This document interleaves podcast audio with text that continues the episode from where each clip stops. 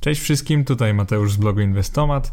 Tym razem nagrywam e, podcast z kategorii oszczędzanie, czyli szczerze mówiąc będzie to dużo luźniejszy gatunkowo podcast, zwłaszcza, że wpis ten nazywa się lista 10 największych błędów w oszczędzaniu. Czyli możecie sobie wyobrazić, nie będzie to jakiś bardzo e, złożony, posiadający wiele tabelek i liczb, jak czasami wpis i podcast. Będzie to raczej luźniejsza sprawa, ale bardzo ważna. Uważam, że te błędy w oszczędzaniu potrafią zniszczyć waszą zdolność do oszczędzania zupełnie lub znacząco ją zredukować. W jaki sposób opowiem o tych błędach? Oczywiście jest to lista 10, więc nie będę robił nic innego, tylko powiem o każdym z tych 10. E, co jest ważne na samym początku, to to, że te błędy będą podzielone jakby kategoriami. E, trzy pierwsze E, to jest taka kategoria nie mam z czego oszczędzać, czyli to są błędy ludzi, którzy w ogóle nie oszczędzają. I oczywiście, o ile czasami jestem w stanie zrozumieć, że człowiek naprawdę ma za niską pensję, żeby oszczędzać, to zazwyczaj nie jest taka sytuacja, tylko po prostu człowiek źle zarządza budżetem, więc dlatego nie jest w stanie oszczędzić nawet 50 zł miesięcznie. Druga kategoria tych błędów to będzie oszczędzam, ale niezbyt wiele, czyli oznacza to, że tak, mam zdolność do oszczędzania, ale też jestem osobą wydającą bardzo dużo pieniędzy i spojrzymy na te powody wydawania tych pieniędzy, czyli dlaczego nasze finanse wymykają nam się spod kontroli. I tą ostatnią kategorią będzie oszczędzam, ale moje pieniądze nie procentują, czyli będzie osoba albo, która za bardzo nie inwestuje, bo nie wie co z tym zrobić, nie ma na to czasu, albo osoba, która słucha doradców bankowych, wybierając jakieś dziwne produkty inwestycyjne, niekoniecznie najlepsze. I w ten sposób dojdziemy sobie do końca tego podcastu. Więc zaczynajmy. Zaczynamy od kategorii nie mam z czego oszczędzać. Takim podstawowym błędem osoby, która w ogóle nie oszczędza i ma niższe zarobki, jest właśnie taka odpowiedź: Ale Mateusz, ty nie rozumiesz, po prostu za mało zarabiam, żeby oszczędzać. I powiem wam szczerze, ja w zupełności rozumiem taką sytuację. Sam na początku nie zarabiałem zbyt dużo i to jest, to jest bardzo ludzkie i bardzo bliskie mojej osobie. Więc jeżeli chodzi o taką sytuację, przede wszystkim pamiętaj, że to od ciebie zależy, czy będziesz więcej zarabiał lub zarabiała z czasem. Czyli nawet jeżeli teraz pracujecie w dość niskopłatnej branży, może jakiejś mało złożonej, to tak naprawdę to od was zależy, czy będziecie się szkolić może w innym kierunku, może zrobicie jakieś studia, może nauczycie się na przykład programowania, może nauczycie się języka obcego.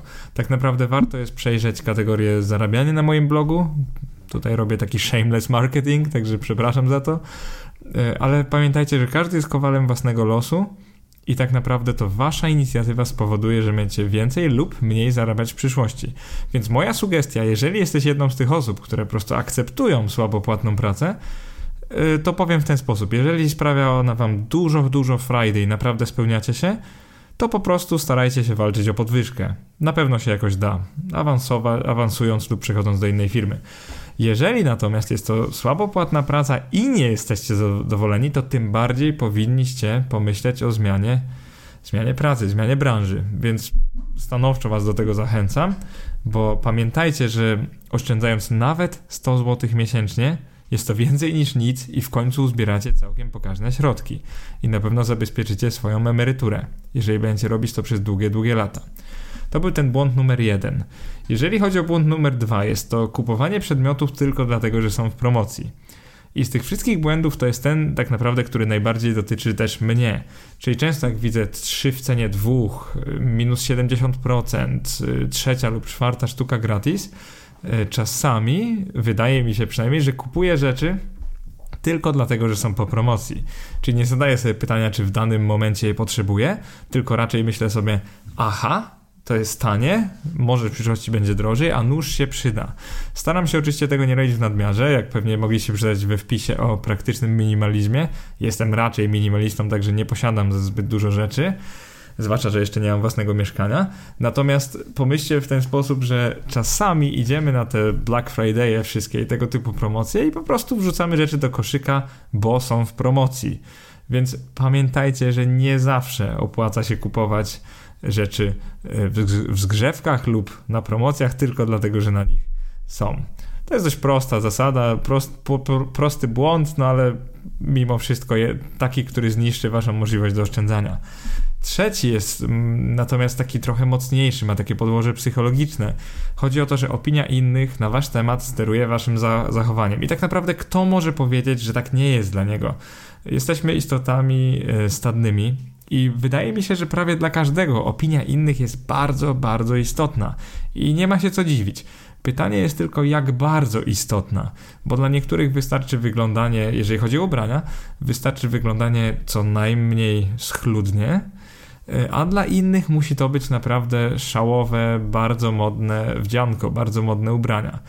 I teraz zadajcie sobie pytanie, czy jest to rozsądne na przykład, jeżeli osoba jest w tej dość niskiej grupie zarobkowej, powiedzmy zarabia koło najniższej minimalnej krajowej w tej chwili, powiedzmy 3000 brutto i taka osoba co miesiąc, mając na rękę tylko około 2000, na przykład wydaje 500 zł na drogie ubrania. Po prostu kupuje sobie jedną sztukę, powiedzmy jakieś bluzy, spodni, E, sukienki i tak dalej za 500 zł. I, I odpowiedzcie sobie na to pytanie, czy to jest rozsądne dysponowanie pieniędzmi. Oczywiście taka osoba jest widziana jako osoba dość zamożna, bo no, jednak ma na sobie drogie ciuchy, ale spytajcie siebie, co tak naprawdę jest ważniejsze? Właśnie wasza przyszłość i bezpieczeństwo finansowe, czy to, że w danym momencie wyglądacie szałowo? Nie mówiąc już o tym, że tak naprawdę można kupować ciuchy używane, nie chodzi mi tylko o lumpeksy, ale po prostu jest dużo różnych sposobów, żeby też mieć ciuchy markowe, ale nie wydawać za nie pełnych cen. Tak samo ciuchy używane oraz ciuchy z outletu. Więc pomyślcie sobie w ten sposób, że nie zawsze trzeba iść za trendem e, czasu i kupować wszystko, bo jest tylko dlatego, że jest drogie i przejmować się opinią innych. E, zwłaszcza jak się nie ma zbyt wysokich zarobków. To był ten trzeci bardzo, bardzo istotny błąd w oszczędzaniu. Jeżeli chodzi o kategorię oszczędzam, ale niezbyt wiele, i tu są typowo, myślę, że tu będzie większość z nas, czyli tu są ci ludzie, którzy mogą oszczędzać, którzy zarabiają przynajmniej średnio i mogliby tą przynajmniej stówkę w miesiącu oszczędzić, ale z jakiegoś powodu albo nie oszczędzają, albo oszczędzają o wiele, wiele za mało lub nieregularnie. No i pierwsza sprawa. Oszczędzanie na końcu, a nie na początku miesiąca. O tym już też napisałem osobny wpis. Także w podcaście nie będę się jakoś zbyt długo wypowiadał, ale chodzi o to, że o, wierzcie mi, o wiele łatwiej jest odcinać sobie tą kwotę do oszczędzenia zaraz po otrzymaniu wypłaty, więc psychicznie wtedy w głowie już nie macie tych pieniędzy. Jest to o wiele łatwiejsze niż czekanie do końca miesiąca, liczenie na to, że nie będziecie mieli wielu wydatków i wam się uda oszczędzić nawet tą przysłowiową stówkę. Więc moja rada jest taka: nie czekajcie na koniec miesiąca, tylko oszczędzajcie na samym początku. Ja tak robię od lat i powiem Wam szczerze, mam rezultaty. Więc zapytajcie sobie, ile Wy odłożyliście waszych miesięcznych pensji, ale jeżeli oszczędzacie na początku miesiąca, to jest dużo większa szansa, że odpowiedź będzie bliżej 9 lub 12 niż na przykład jednej lub dwóch lub, lub żadnej. E, dochodzimy teraz do połowy tego podcastu. E, kolejny błąd oszczędnościowy, błąd oszczędzania, to jest nieobieranie celu oszczędnościowego. Dlaczego cel jest bardzo ważny? To jest dość łatwe, bo jeżeli oszczędzacie zupełnie bez celu, niektórzy mogą was widzieć jako osoby oszczędne, może skąpe. Niezależnie od tego, jeżeli jest to bez celu, to dużo łatwiej jest po prostu zachęcić się w pewnym wieku do zakupu jakiegoś drugiego przedmiotu, bo po prostu nie wiecie, dlaczego oszczędzaliście. Być może to jest ok, ale pomyślcie sobie, jeżeli macie taki cel i jeżeli jest na przykład podróż dookoła świata, jakiś większy dom, albo na przykład jakaś emerytura, powiedzmy w Argentynie lub w Włoszech, że nie chcecie mieszkać w Polsce, tylko gdzieś indziej, pomyślcie sobie w ten sposób, że dużo trudniej wam będzie wtedy ruszyć wasze, wasze oszczędności, jeżeli rozumiecie, dlaczego to robicie, niż na przykład, jeżeli po prostu odkładacie, tak, tak zwane na czarną godzinę. Jeżeli to jest na czarną godzinę i nie ustaliliście kwoty, czasu, do którego macie oszczędzić te pieniądze, to pomyślcie sobie, że jest jakaś promocja na telewizor, widzicie, że jest fajny sąsiad na przykład taki kupił, no i nagle losowo wydajecie 3 czy 5 tysięcy złotych na taki sprzęt. Bo po prostu macie pieniądze odłożone i nie traktujecie ich jako oszczędności na coś, tylko po prostu odłożone pieniądze. Więc moim zdaniem to jest błąd, jeżeli nie macie celu oszczędnościowego. Kolejne dwa będą dość ciekawe i takie, z którymi dość mocno walczę, jeżeli chodzi o moich znajomych. Także ci, którzy mnie znają, wiedzą, że często o tym mówię. E, błąd szósty to jest wysoki kredyt hipoteczny tylko dlatego, że macie do tego zdolność. No i na czym to polega? To jest typowa sytuacja, w której człowiek, który nie zarabia wcale tak dużo, powiedzmy znowu, możemy wziąć 3000 brutto miesięcznie, sprawdza swoją e, zdolność kredytową, ale bierze jej sam, samo maksimum. Czyli wyobraźcie sobie, że py pytanie do banku wtedy brzmi, ile najwięcej mogę pożyczyć na mieszkanie, a nie yy, za ile dom czy mieszkanie powinienem, powinnam kupować. Widzicie, tu jest zasadniczy problem, bo zarabiając na przykład na rękę właśnie nie, nieco powyżej 2000, po prostu nie powinniście mieć przy niskich stopach procentowych, takich jak teraz, czyli około 1,5%, po prostu nie powinniście mieć raty kredytu wyższej niż powiedzmy 300 zł, tak zupełnie jeżeli chodzi o proporcję pensja-kredyt. Zwyczajnie dlatego, że jak stopy procentowe poszłyby do góry, to wasza rata będzie o wiele wyższa i nie dacie rady jej spłacać. Więc to jest bardzo istotne, żebyście nie patrzyli na maksymalną zdolność kredytową. To naprawdę nie ma sensu. Nawet jeżeli macie marzenia, możecie je spełnić trochę później. Także myślcie w ten sposób, że dopóki nie macie zbyt wysokich zarobków albo wysokich oszczędności, raczej myślcie, że ok, kupujemy pierwsze mieszkanie, może być trochę mniejsze niż docelowe, za kilka lat kupimy większe, jak będziemy po prostu zarabiać więcej lub mieli więcej pieniędzy na kontach. Więc myślcie w ten sposób, bardzo to polecam i stroncie przed właśnie kredytami hipotecznymi o wysokiej racie, bo zniszczy waszą możliwość do oszczędzania. I tutaj kontrargument może brzmieć, ale co z tego, jeżeli i tak wydaje mniej niż na najem?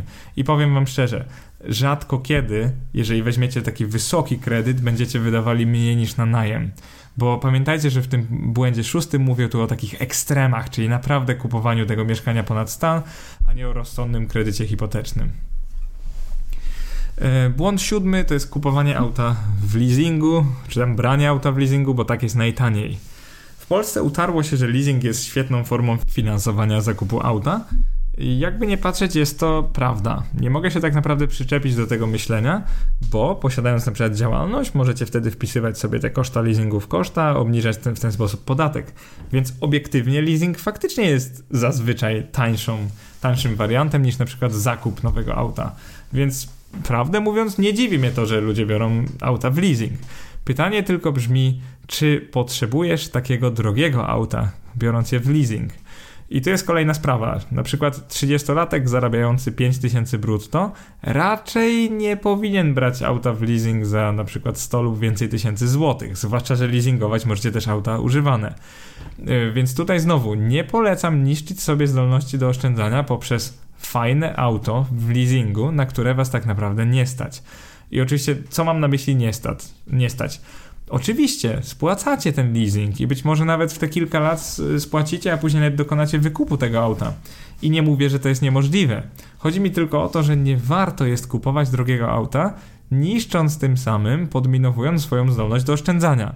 Bo żadne drogie auto nie jest warte te, tego właśnie braku oszczędności. Trochę punkt podobny do szóstego, po prostu nie bierzcie auta w leasing ponad stan. E, punkt ósmy to jest takie trochę zaniedbanie. Błąd ósmy to jest e, zaniedbanie, czyli zbyt wiele abonamentów lub subskrypcji, których nie używasz. Mm, to jest chyba sprawa oczywista. Kto z nas nie ma Netflixa w tych czasach, HBO Go, Amazon Prime albo Ipli polskiej czy innych tego typu abonamentów? I zawsze ludzie tłumaczą to sobie, ale przecież to jest tylko 20-30 zł miesięcznie. Tylko teraz sumujcie sobie wasze opłaty za internet, za prąd, za telewizję. Teraz weźcie właśnie te Netflixy. E, sumujcie to wszystko i nagle możecie się obudzić. O, wydajemy na to na przykład 200 zł każdego miesiąca, a bardzo rzadko używamy HBO Go. I dokonując takiej analizy, dopiero dochodzi do Was zaraz, zaraz. W zasadzie to my tracimy na przykład 50 zł miesięcznie, co tak naprawdę daje już ile? To jest 600 zł rocznie. To jest całkiem sporo. Więc jeżeli mnie spytacie, to pozornie niskie wydatki, płacone miesiąc w miesiąc, których tak nie do końca potrzebujecie, potrafią was czasem kosztować całą waszą zdolność do oszczędzania. Także bardzo was ostrzegam przed takim nadmiarem abonamentów, zwłaszcza gubią to ludzie, którzy zarabiają dużo. Dużo, co tak naprawdę znaczy dużo w Polsce, powiedziałbym, że może ponad 10 tysięcy brutto miesięcznie, jest to dość dużo w Polsce, pewnie więcej niż 90%. Y, obywateli naszego kraju. I, to, I takim ludziom zwłaszcza potrafi umknąć, o, w zasadzie mam 15 abonamentów i płacę za nie 500 zł miesięcznie, bo jeszcze jakieś internetowe i tak dalej. Więc nie przesadzajcie z tym. Zróbcie sobie taki rachunek sumienia abonamentowy i zastanówcie się, czego naprawdę potrzebujecie. Czyli po prostu nie płaccie co miesiąc na coś, czego nie używacie. Taka niby oczywista oczywistość, ale warto o tym sobie powiedzieć, prawda? E, teraz tak, bardzo ważne, błędy 9 i 10 to są oszczędzam, ale moje pieniądze nie procentują. Te błędy dotyczą ludzi, którzy zazwyczaj zarabiają już dużo albo bardzo dużo. Powiedzmy, że będzie to powyżej 6-7 tysięcy brutto, e, na przykład na umowie o pracę. E, polega to na tym, że taka osoba jest w stanie bez problemu odłożyć na przykład 1000 zł miesięcznie, co jest już całkiem takim, taką fajną oszczędnością, tak między nami. To, to już jest coś naprawdę. I osoba odkłada 1000 zł miesięcznie, ale na przykład te pieniądze leżą na rachunku bieżącym albo zjada inflacja, czyli po prostu nic się z nimi nie dzieje. No i wyobraźcie to sobie, że inflacja teraz troszkę rośnie, niedługo może będzie nawet 5%. I co z tego, że osoba odkłada, odkłada, odkłada, ma na tym koncie po kilku latach, dajmy na to 50 tysięcy złotych, jak to już nie będą te same złote za parę lat, po prostu będą coraz mniej i coraz mniej warte. A tego naprawdę nie chcemy. Więc błąd dziewiąty, twoje oszczędności leżą na rachunku bieżącym, błagam was, zróbcie coś z oszczędnościami. Po to właśnie macie strony typu mój blog i wiele innych stron. Chociażby załóżcie lokatę, bo naprawdę lokata lub rachunek oprocentowany, taki lokatowy jest dużo lepszy niż po prostu ROR, czyli rachunek bieżący. Nie trzymajcie dużych środków na rachunku bieżącym. I co to znaczy dużych środków? Znowu. Każdy ma inny, inną taką sferę komfortu finansowego. Niektórzy potrzebują tysiąca, inni pięciu tysięcy na koncie bieżącym. Powiem wam szczerze, że jesteście, jeżeli jesteście ubezpieczeni zdrowotnie, to zwykle nie potrzebujecie w danym momencie mieć więcej niż 5000 zł na koncie. Po prostu wam się to nie przyda w ciągu miesiąca. To jest, taka, to jest takie moje bardzo subiektywne zdanie. Nawet jeżeli jesteście bardzo zabiegani, to poczytajcie trochę, choćby tego mojego bloga i zróbcie coś z tymi pieniędzmi. Nie pozwólcie im leżeć na koncie. I teraz uwaga, uwaga, błąd dziesiąty, już ostatni w zestawieniu, bardzo ważny i bardzo bolesny dla tych, którzy kiedyś się na to, powiedzmy sobie tak, nacięli. Słuchasz sprzedawców wybierając dziwne produkty inwestycyjne. I teraz, żeby dać Wam przykład kilku dziwnych produktów inwestycyjnych z ostatnich lat, doskonałym przykładem są polisolokaty lub takie właśnie ubezpieczenia lokatowe, e, było to różnie nazywane. E, oraz drugim dziwnym produktem są na przykład lokaty z funduszami. Jak takie produkty działają? Bardzo często w umowach macie dziwne zapisy. Oczywiście małym druczkiem, typu, że te pieniądze na początku tracą 20%, ale jeżeli je będziecie trzymać przez 5 lat, to wyjdą na jakiś plus przykładowo. Czyli tutaj macie już ryzyko, że nagle potrzebujecie tych pieniędzy po pół roku, no, no sorry, straciliście 15%. Takie rzeczy się działy. E, albo na przykład uzależnianie stopy zwrotu z lokaty od jakiegoś tam funduszu. No to moje pytanie dla Was po co uzależniać sobie stopę zwrotu z lokaty takiej między 1 a 3% miesięcznie, jakimś tam funduszem, który może oscylować nawet o 10-20% rocznie, zarówno na plus, jak i na minus, jak ten produkt jest po prostu skomplikowany, niezrozumiały. Czy nie lepiej już jest kupić taki fundusz bezpośrednio, zamiast się bawić w jakieś dziwaczne lokaty? I teraz, dlaczego w ogóle te produkty się sprzedają? No, z bardzo prostego powodu. Po pierwsze, blogów finansowych i podcastów finansowych w Polsce jest tylko kilka. Są one naprawdę niezłe, ale szczerze mówiąc, do jak wielu osób one trafiają. Trochę nad tym ubolewam, ale jeszcze nie trafiają do zbyt wielu osób. E, druga sprawa to jest ten taki brak dostępu jeszcze do internetu wszystkich, zwłaszcza ludzi starszych. Oni idą do banku, pytają się konsultantów e, z myślą, że to są profesjonaliści. Niestety konsultanci w bankach to jest nic innego, to, to są nic innego jak sprzedawcy. Oni chcą sprzedać produkt i nie do końca interesuje ich, czy ten produkt jest dobry, dobrze dobrany dla klienta, czy nie. Więc wracając do punktu dziewiątego, jeżeli nie macie czasu, jeżeli nie znacie się na inwestowaniu, to naprawdę załóżcie zwykłą lokatę, żeby nawet to procentowało na 1,5%, może 2%. Będzie to o wiele lepsze niż jak e, te pieniądze leżą na koncie lub niż kupowanie jakichś takich dziwnych produktów, których sami nie do końca rozumiecie. E, teraz, który z błędów powinniście skorygować najszybciej? Odpowiedź brzmi wszystkie. Popracujcie nad wszystkimi. E, polecam zacząć od 4 i 5, bo tak naprawdę jest od nich zacząć dość prosto. 4 i 5 to jest właśnie oszczędzanie na początku miesiąca. Błędem jest oczywiście oszczędzanie na końcu, błędem jest nieoszczędzanie na początku miesiąca. Piąty błąd to nie obieranie celu, więc tak naprawdę możecie zacząć od nich. To jest takie racjonalne, bo możecie to zrobić dosłownie w godzinę. No, o wszystkich innych przeczytacie też więcej we wpisie, jak jesteście zainteresowani. Chociaż myślę, że ten podcast dość dobrze pokrywa e, tą treść wpisu. Więc myślę, że akurat tym razem wyszło nam 20 minut takie dość ekwiwalentne podcast z wpisem.